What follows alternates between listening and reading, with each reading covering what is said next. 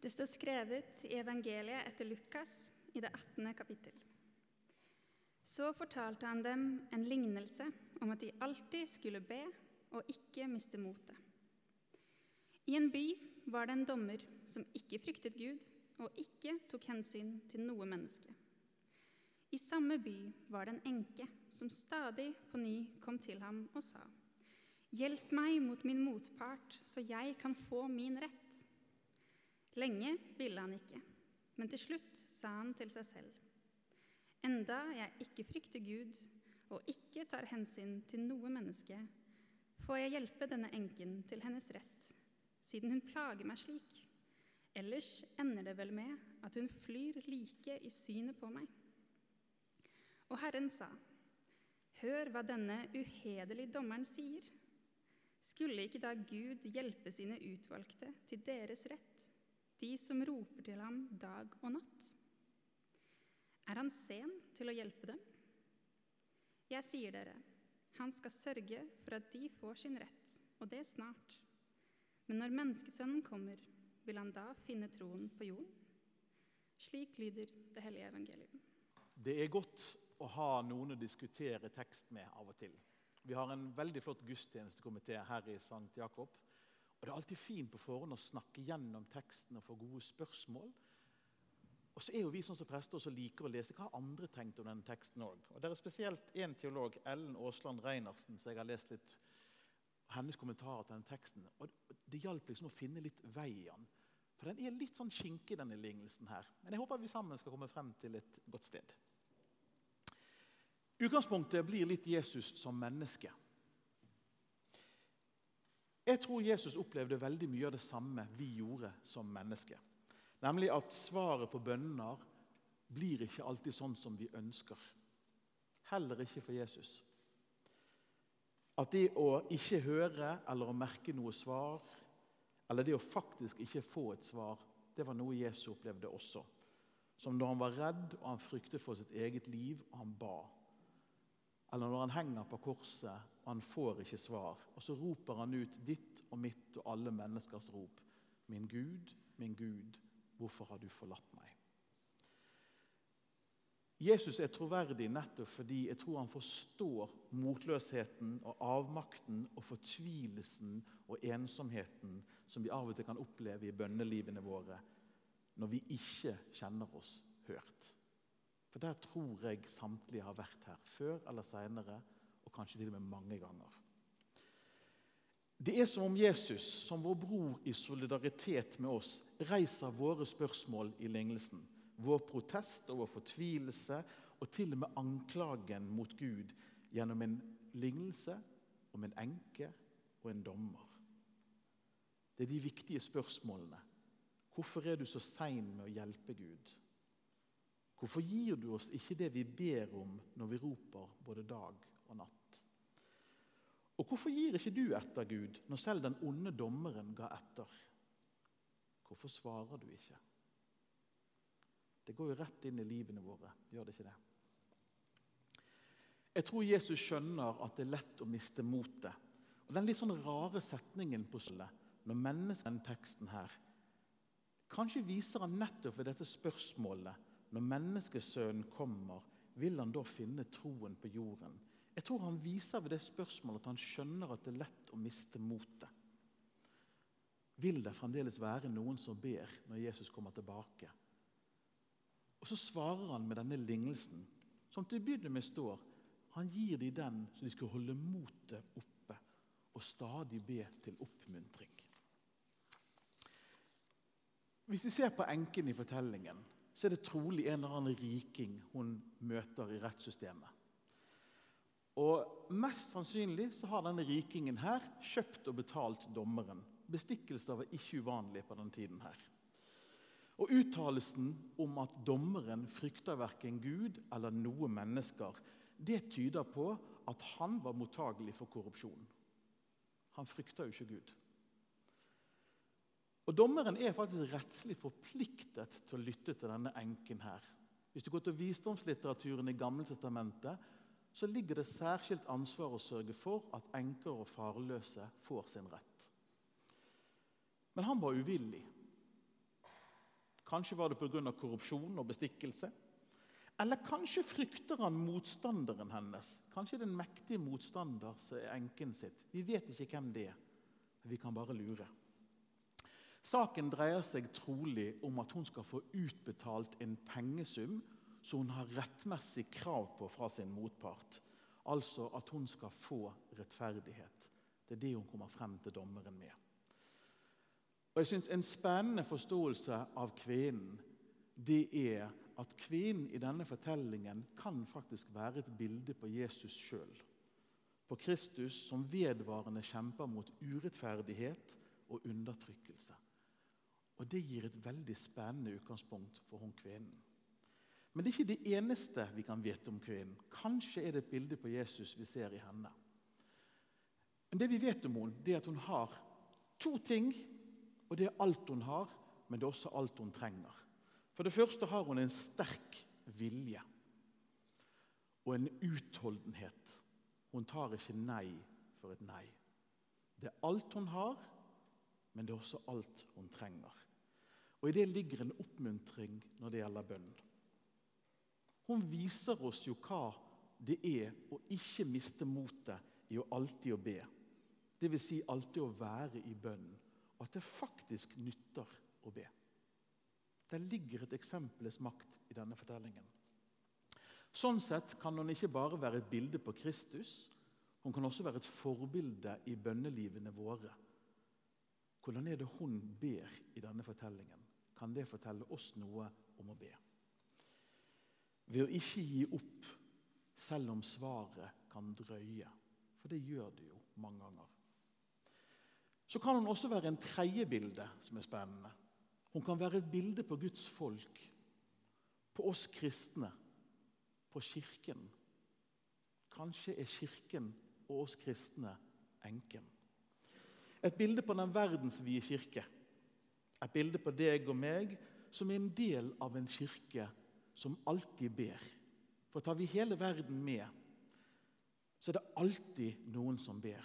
Akkurat sånn som enken ikke sluttet å be. Som trygler Gud og ber standhaftig om rettferdighet hele døgnet. For det er alltid soloppgang et eller annet sted i verden når vi har natt. Det er alltid noen som våkner når vi sover. Og det gjelder alle. Kirken har tryglet og bedt om troverdig inngripen fra Gud om rettferdigheten skal komme. Og det har pågått uavlatelig i 2000 år. Denne bønnen har vedvart. Det er alltid noen som tenker på Gud. Det er alltid noen som snakker om Gud. Det er alltid noen som snakker til Gud. Det er alltid noen som snakker med Gud. Det er alltid noen som ber. Alltid. Det er det bønnefellesskapet vi er en del av, mens ikke vi ser. Et verdensvidt bønnefellesskap som alltid er i kontakt med Gud. Hver gang vi folder hendene, så blir vi en del av det bønnefellesskapet. Uansett hvor vi er og hva situasjonen er. Hver gang vi ber Fader vår, så er vi koblet på det store fellesskapet. Eller hvis vi bare inni oss prater med Gud. Det hender jeg gjør. Det er bønn, det òg. Når vi synger for maten Mat, halleluja, Amen. Den korteste tror jeg det kan. Det er en bønn. Når vi i bønnevandring, f.eks. i kirkerommet her, når vi tegner oss med korsets tegn, så er vi en del av dette bønnefellesskapet. Eller hvis vi bare søker stillheten og sitter og lytter, så er vi en del av den uavlatelige bevegelsen i 2000 år i bønn som Kirken er. All bønn vi har i gudstjenesten og legg merke til Det er mye bønn i liturgien, altså det vi sier og gjør i gudstjenesten. Det er en del av denne 2000 år gamle tradisjonen om å alltid være i bønn. Og På den måten så er vi sånn som kvinnen. Alltid i bønn. Enten det er fritt formulerte bønner, det er faste formulerte bønner, det er liturgiske ledd, eller det er bare å være stille vendt mot Gud. Kirken, som kan sies å være vår mor, men som da består av alle våre søsken, ber med oss og for oss. Og Det er veldig godt å vite det de gangene vi sjøl ikke makter å be. Så er vi omsluttet av et bønnefellesskap som kan bære oss. I denne teksten her så åpenbarer Jesus hvem Gud er, ved å stille opp en kontrast. Det er dommeren som er kontrasten. Dommeren har ingen sympati, ingen empati. Ikke opptatt av å gjøre det gode, til tross for hva Gud måtte forvente av han, eller hva hans neste hadde behov for. Ikke opptatt av det i det hele tatt. Gud derimot handler på bakgrunn av hvem Gud er. For Gud er kjærlighet og handler dermed i kjærlighet. Guds rettferdighet er utrolig flott på den måten at Gud gir ikke som fortjent. Av og til tenker jeg takk og pris for det. Men Gud gir det som trengs, og det er noe helt annet. Og takk og pris for det. Dommeren må tvinges til å lytte. I en av tekstene til dagens søndag som vi ikke leser her, det er Jeremia. Der har Gud lovet å lytte. Jeremia 29. Når dere kaller på meg og kommer for å be til meg, vil jeg høre på dere. Når dere søker meg av et helt hjerte, la jeg dere finne meg, sier Herren. Dommeren gir kvinnen sin rett. Ikke fordi han er opptatt av rettferdighet, for det er han tydeligvis ikke. Eller fordi han frykter henne fysisk. Det, det, kan vi ikke rett og slett tro at det er det det handler om. Det tror jeg er en feiltolkning av teksten. En liten enke mot en mektig dommer. Hun har ingenting å stille opp med. Nei, det fenomenet som mange kjenner som nagging. Det er masingen som aldri tar slutt. Mas, mas, mas, mas. Neg, neg, neg. Kommer igjen og igjen og igjen og igjen. Det er det han er redd vil slite han fullstendig ut. Og Hele saken vil da dra ut og trolig skape et dårlig rykte for han i lokalsamfunnet. Det er det han frykter, tror jeg. Neging. Ikke vold. Nag. Det er litt komisk faktisk i denne teksten at han gir etter, som erklærer til å begynne med at han verken frykter Gud eller mennesker og en liten enke gir han altså sin rett. Det er noe komisk her også. Han blir en litt sånn latterlig figur.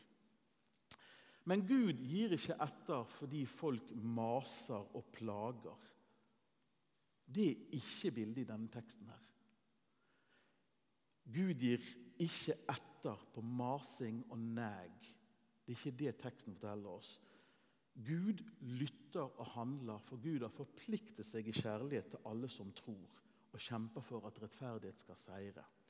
Det er derfor kjempeviktig i denne teksten her å ikke la dommeren smitte over på Gud i betydningen at vi tror at bønn er en prestasjon, og at svaret vi får av Gud, det er belønning for å mase på Gud. Det er ikke det som er poenget i teksten. Det er dommeren som er sånn. Det som er viktig, er å bringe hele livet frem for Gud. Det er viktig. Men det er ikke sånn at den som roper høyest eller mest eller oftest, får rett og belønning for å gjøre det. Det er ikke bildet om Gud. Det er bildet om dommeren. På samme tid så er det noe bra i denne kampen med dommeren. For den kan gi oss et bilde og henlede oss på andre tekster. Det er litt befriende hvis det går an å argumentere med Gud. ikke det? Krangle med Gud. Jeg tror det er faktisk ganske bra kjempe med Gud at det er mulig. For det gjorde Jakob. Han ville ikke slippe Gud før Gud velsignet ham. Og Jakob betyr jo han som kjempet med Gud og vant. Han fikk velsignelsen. Han fikk et slag på hoften òg, men han fikk velsignelsen. Det er noe med å kjempe med Gud òg. Kanskje finner vi Gud i kampen og gjennom leitingen med hva som er rett. Det er noe fint i det biten av bildet med å kjempe litt med Gud. Og Gud har faktisk vist at Gud kan forandre mening. Flere tekster i Bibelen snakker om det. Og det er litt fint. Bønn har et element av å overgi hele meg og hele min sak til Gud. Og det er litt vanskelig, fordi vi forstår ikke alltid hvordan Gud tenker og handler. Fordi vi ikke er Gud. Vi er bare mennesker. Og Det er også overgivelsen som er krevende, for vi vet ikke alltid hvorfor drøyer disse svarene fra Gud. Vi vet det faktisk ikke. Hvorfor lar rettferdigheten vente på seg? Lignelsen prøver å vise oss at til tross for alt dette her, så kan vi i trygghet legge oss sjøl i Guds hender. i troen på at Gud vet det vi ikke vet, nemlig hva som er best, og hva som ikke er det. For Gud er ikke som dommeren som man må plage for å få et svar. Teksten sier at Gud vil gi et svar, og et rettferdig svar. Det er noe annet enn dommeren. For alle som er i nød, enten det er du eller meg eller noen andre, så er det alltid for lenge å vente på svar. Det er jo alltid sånn. Når vi virkelig i nød, skulle svaret vært her i går. Og det er kanskje sånn at i ettertid, kanskje da vi ser at Gud svarte Kanskje en dag får vi se at Gud faktisk har svart oss, og at det også var snart. Det er det som vi ofte kan se i ettertid. Og kanskje er det ettertiden med himmelen vi får se det. Kanskje er det ikke nå. Det, det vet jeg faktisk ikke. Men hvis vi oppsummerer hele lignelsen, så beroliger Jesus oss med noen løfter. Jesus gir oss evangeliet i følgende gode nyheter. Gud har lovet å lytte når du og jeg ber. Det er et løfte som står fast. Gud har lovet å gjenopprette rettferdigheten. Det er også et løfte som står fast. Gud skal sørge for sine. Det har Gud lovet. Og det skal skje snart. Og så er det en annen mulig oversettelse av det som sier 'snart'. Det kan også leses som at det skal skje når vi ikke venter det. Og Den tror vi skal ha i bakhodet også. Snart eller når vi ikke venter det, eller kanskje begge to.